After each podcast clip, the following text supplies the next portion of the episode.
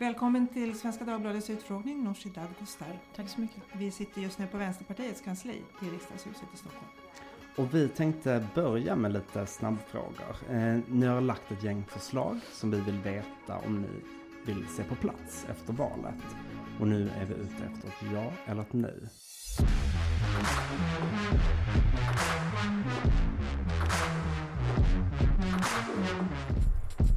Det här är Svenska Dagbladets Utfrågningen med Erik Nilsson och Inger Arnander.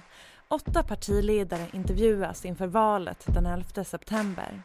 Ser Vänsterpartiets Nooshi Dadgostar någon koppling mellan ökad invandring och ökad brottslighet? Och kommer Vänsterpartiet bråka om NATO om de får sitta i regering? Fastighetsskatt. Eh, för hus som är värda mer än 10 miljoner eh, har vi föreslagit och då berör det ungefär 3 procent av befolkningen. Alltså gåvoskatt. Eh, ja, det kan bli aktuellt för mycket, mycket stora summor också. Ja, över 10 miljoner, 12. Tak på investeringssparkonton, ISK. Ja, det får vi återkomma till. Så inget ja eller nej. Ja, vi kommer presentera allt det här och det handlar ju om välfärdens finansiering vill jag bara säga. Så det, inte bara för sakens skull. Okej, inget ja nej. Eh, en extra välfärdsskatt för de som tjänar mer än 85 000 i månaden. Någon slags eh, värnskatt eller rättviseskatt för väldigt stora inkomster. Det, det som vi föreslår, jag kan säga hela bilden. Eh, ingen som tjänar under 43 000 eh, tycker vi ska eh, betala högre skatt. Tjänar man 45 000 i månaden eh, eller mer så är det en hundring mer. Och är det 70, över 70 000 eh, så kan man få betala 1000 kronor Okej. i månaden. Och sen sist också eh, nedtrappat ränteavdrag. Ja eller nej? Nej. Nej. Inte, det, det, får vi, det skjuter vi på framtiden för att se hur ekonomin utvecklas. Okej, så det, det, det, vissa saker är lite osäkra men fastighetsskatt det kan man i alla fall räkna med att det kommer ni driva stenhårt efter valet. Eh, nej, det kan man inte räkna med att vi ska driva stenhårt. Det handlar om finansieringen av välfärden. Så finns det andra förslag kommer vi självklart att uh, kunna titta på det också. Det viktiga, principen som vi håller oss till, det är att eh, de utgifter vi har slagit fast att vi ska ha, till exempel försvarsutgifter, elstöd, andra typer av utgifter som vi är helt överens om i riksdagen, de ska inte finansieras av Eh, barnen i förskolan eller eh, patienter i långa vårdköer eller av eh, underbemannade undersköterskor på, på vårdboenden. Så det är liksom så att säga principen. All, det, det övriga kan vi så att säga förhandla om. Du har sagt eh, att eh, ni, eh, ert nya förslag är att ni ska få ihop 60 miljarder i höjd skatt. Det här exemplen vi har dragit nu, det räcker ju inte till närmelsevis till 60 miljarder. Var finns den stora summan i höjda skatter? Återigen, principen är den viktiga här. Till exempel de stora försvarsutgifterna som vi är helt, väldigt angelägna om att vi behöver rulla ut. De, de ska inte finansieras med stora neddragningar nu i svensk Det har vi välfärd. förstått, men det vi Mm, vill det är veta är viktiga. skattehöjningarna. Eh, och, eh, vi har diskuterat några av dem nu eh, och sen tycker vi att det, det finns också stora skattesubventioner till lönsamma företag som går att diskutera. Till exempel men vi talar om arbetsgivaravgifter för McDonalds som får väldigt stora summor i slutändan av den skattesubventionen och bidrar i, i grund och botten inte till, till många nya arbetstillfällen. Så det är arbetsgivaravgifter som är sänkta för vissa företag, det ska bort. Eh, olika typer av skattesubventioner till mycket lönsamma företag skulle jag sammanfatta det som. Det här att ni trots allt eh, ligger lite lågt med att ni vill höja skatter. Fastighetsskatten ska höjas men bara för de rikaste och det är inte så många som drabbas. Och skattehöjningarna ska vara jättesmå för de som har normala inkomster och så. Varför presenterar du så? Om ekonomiska klyftor och ojämlikhet är en väldigt viktig fråga att det ska bort tycker ni har frågat om skatter väldigt mycket den här gången och jag pratar nästan om det varje gång när jag är med i en intervju. Och det handlar ju om att de ja, rikaste procenten kanske har stuckit iväg ekonomiskt och det har brutaliserat vårt samhälle och skapat ekonomiska klyftor som, som skadar barnen som växer upp för de växer upp i ett ojämlikt eh, Sverige. Vi har inte den starka, stolta välfärdsstat som jag växte upp i en gång i tiden. Men ni har dämpat att- era förslag jämför med vad ni föreslagit i riksdagen? Därför att vi, vi följer hela tiden den ekonomiska utvecklingen. Och eh, kanske den viktigaste eh, så att säga, beskedet också för den som ser den kraftiga prisutvecklingen idag på, på mat och energi. Det är att vi kommer att driva väldigt hårt eh, att införa Sverigepriser på el. Och det kommer på ett kraftigt sätt bromsa upp prisökningarna eh, i Sverige. Det vill säga priserna ska ner till normala, elpriserna ska ner till normala svenska nivåer genom att separera eh, exportmarknaden ifrån den svenska marknaden. Just det. Eh, vi byter ämne. Jag vet vad förtryck innebär. Vad totalitära makthavare är kapabla till. Och jag inser vad friheten från det betyder. Du sa nyligen till Dagens Nyheter att du kanske vill ha mer invandring till Sverige. Varför är det en bra idé? beror helt på världsläget naturligtvis. Vi har ett anfallskrig mitt på vår kontinent. Klart att vi ska ställa upp för det ukrainska folket. Det visar världen också var vi står i den konflikten. Tycker du att det finns någon gräns för hur många invandrare som Sverige kan ta emot? Det är omöjligt för mig att svara på den typen av frågor. Alltså vi, eh, vi har ett krig just nu i, i, på vår kontinent. Jag ser att vi, eh, vi ska ställa upp för de ukrainare som nu blir bombade. Deras hus har förstörts, deras liv är nästan över för många, eh, Mm. känner de. de. Deras land håller på att förintas. Men det är inte bara flyktingar från Ukraina som kommer till Nej, Sverige. men det, det, det är ju därför man inte kan på det sättet svara på en sån fråga. För det beror så mycket på vilken värld vi lever i. Vilket, vilket är världsläget. Och vi kommer ju arbeta väldigt hårt för att stabilisera ehm, länder i olika delar av världen. Det är därför vi vill använda till exempel biståndet för att bedriva demokratiprojekt. För att vi inte ska ha krig i slutändan i världen. Man ska inte behöva fly. Det är inget som vi längtar efter att någon människa ska behöva fly. Men om det händer så ska vi förstås ställa upp. Mm. Och när det då kommer olika typer av invandrare till, till Sverige, det kan vara flyktingar, det kan vara andra typer av eh, invandrare. Hur ska man se till då att den invandringen inte sker på bekostnad av svensk välfärd? Eh, välfärden är ju en enormt utjämnande kraft eh, i vårt samhälle. Det som är bra för, för vanliga löntagare är ju ofta bra för andra vanliga löntagare också. Det är, så att säga, det är en grupp av löntagare i slut, slutändan.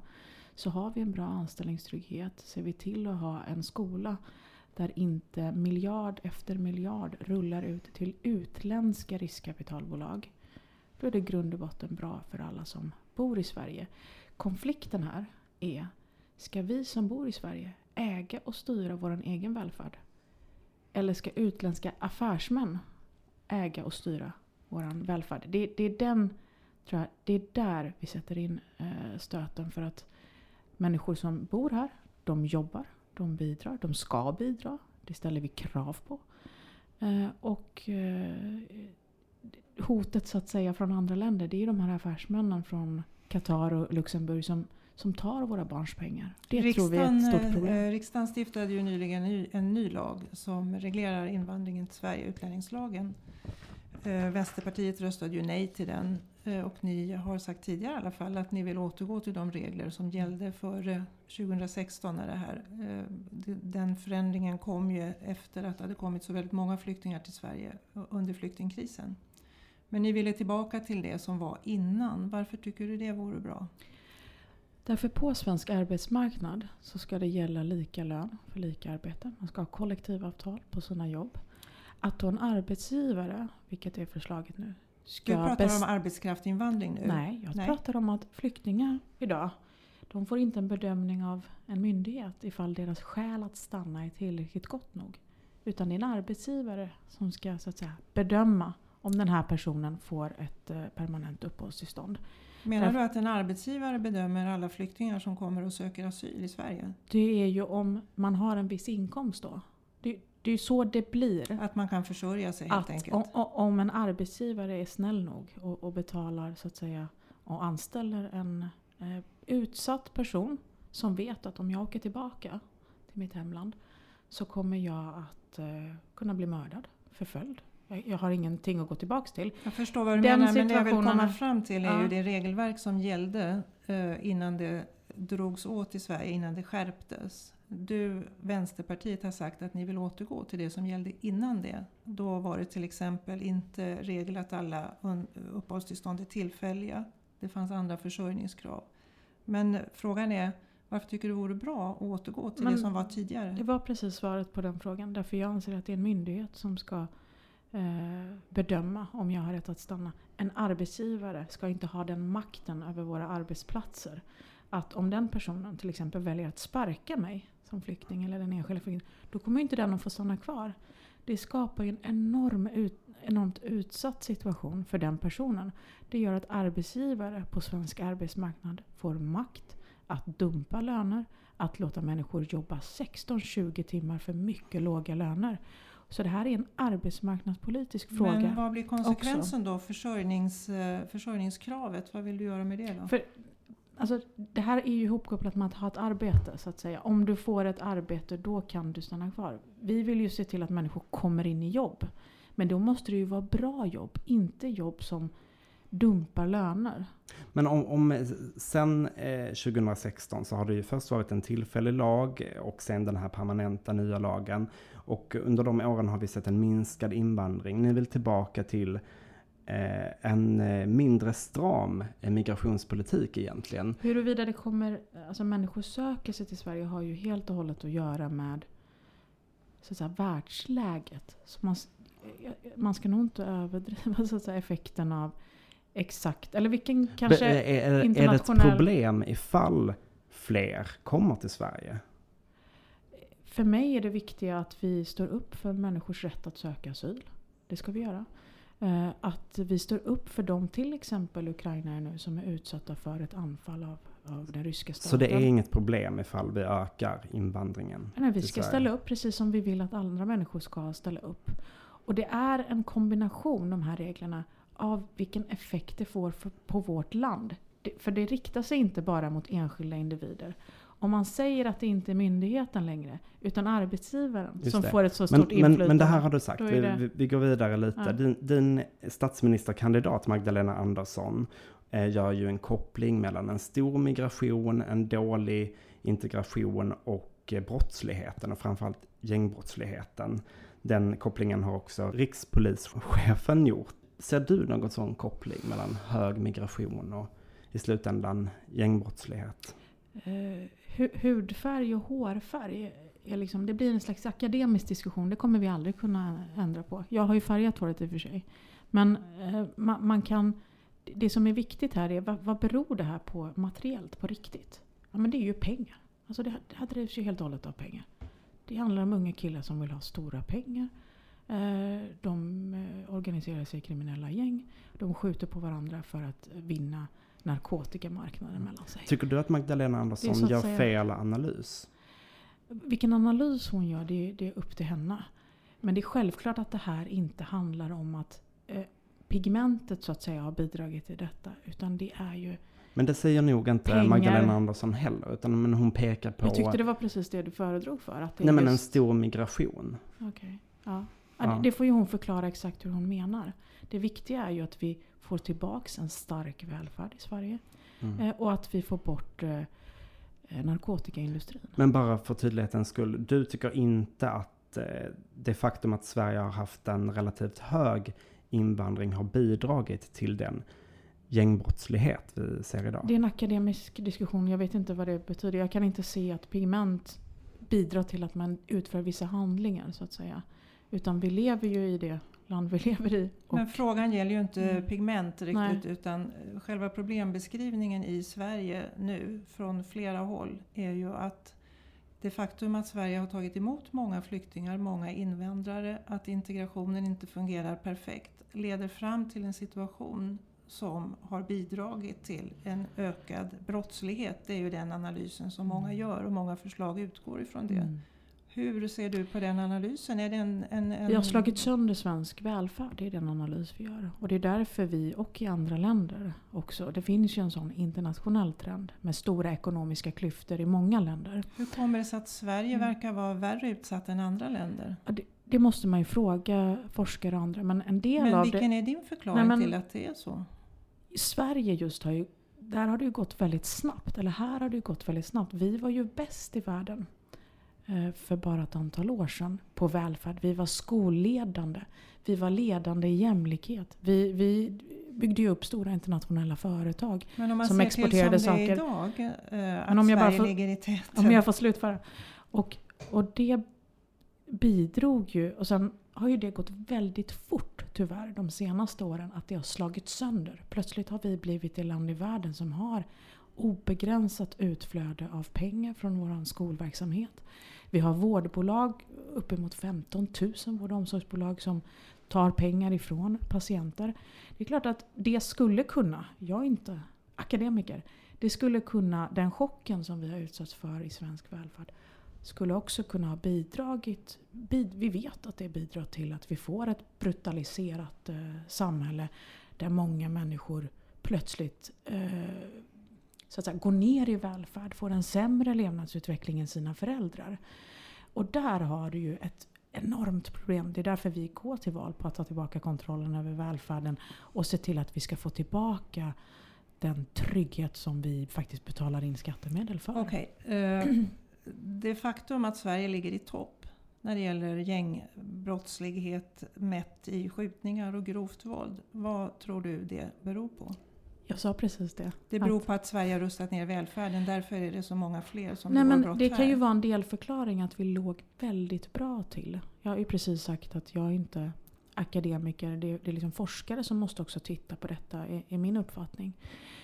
Men den utveckling vi har sett den har gått väldigt snabbt för just Sverige. Vi, vi har under ett antal år eh, privatiserat väldigt mycket på ett aggressivt sätt. Vi har ett helt pensions... Tror du eh, att system upprustad, som- upprustad välfärd kommer påverka gängbrottsligheten? Om man kraftigt tar tillbaka kontrollen över svensk välfärd. Glöm inte att mycket av den arbetslivskriminalitet och även liksom i, i också gängmiljön är också kopplad till att vi har en offentlig sektor som är väldigt lätt att mjölka pengar ur. Är det också en förutsättning att stärka välfärden att också öka invandringen eller ta emot fler invandrare? Vi, ja, det, det får man ju titta på exakt hur... Så att säga, i, just frågan om människor på flykt är en fråga om världsläget. Mm. Det, Men, men bara för tydlighetens skull, vi ska snart gå vidare, men eh, gärna ja och nej. Tycker du att det finns en koppling mellan stor, den stora migrationen som Sverige har haft och den gängbrottslighet vi ser idag? nej men det, kan ju, det, det handlar inte om pigment så att säga. Det har jag svarat på. Så nej. Det handlar inte... Jag, jag tror inte att du och jag skiljer oss för att vi har olika pigment.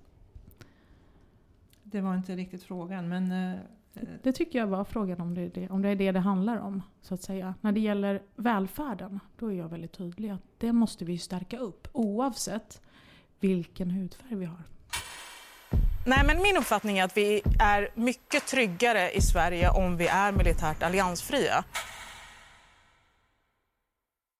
Eh, Ni kräver ju att få sitta med i regeringen efter valet om det skulle bli ett sådant resultat. Hur kommer ni då försöka påverka Sveriges eh, ansökan till NATO? Det finns en kvalificerad majoritet i Sveriges riksdag för att eh, gå med i NATO. Och Och då kommer vi att göra det? det. Accepterar ni de krav som Turkiet har ställt? Eh, Det är väldigt oklart för oss vad det är för slags krav. Regeringen har presenterat ett avtal som de inte har redogjort för vad det innebär i praktiken. Där står saker som kan tolkas som rena lag, eh, grundlagsbrott mot, mot eh, Sveriges eh, grundlagar. Så du känner dig fortfarande osäker på det här? Eh, Jag, jag uppmanade ju statsministern att samla partiledarkretsen för att redogöra för vad det är de egentligen har skrivit på. För nu börjar ju Turkiet kräva att eh, svenska skattemedel ska gå till infrastrukturprojekt i Turkiet. Att vi ska utlämna eh, svenskar till Turkiet.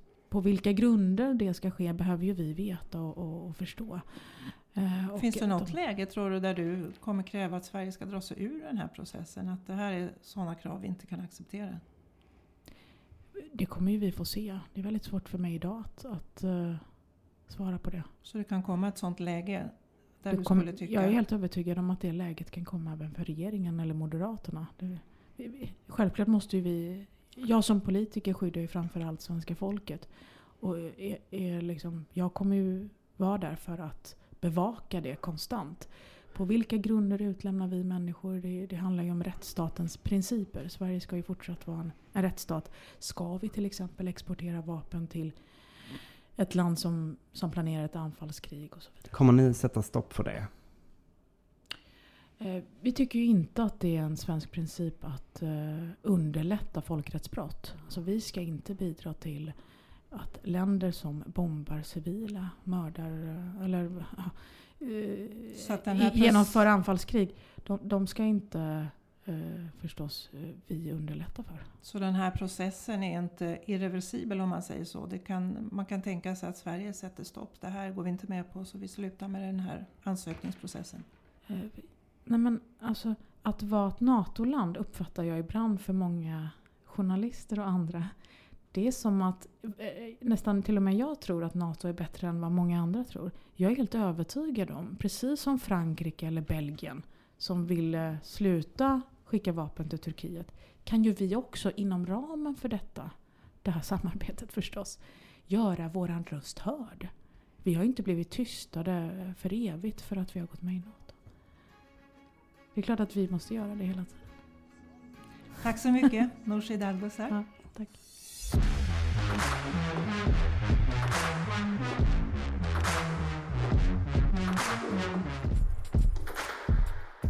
Det här var en podd från Svenska Dagbladet. Producent var jag, Martina Pierrot. Exekutiv producent var Erik Hedtjärn och ansvarig utgivare är Anna Kareborg.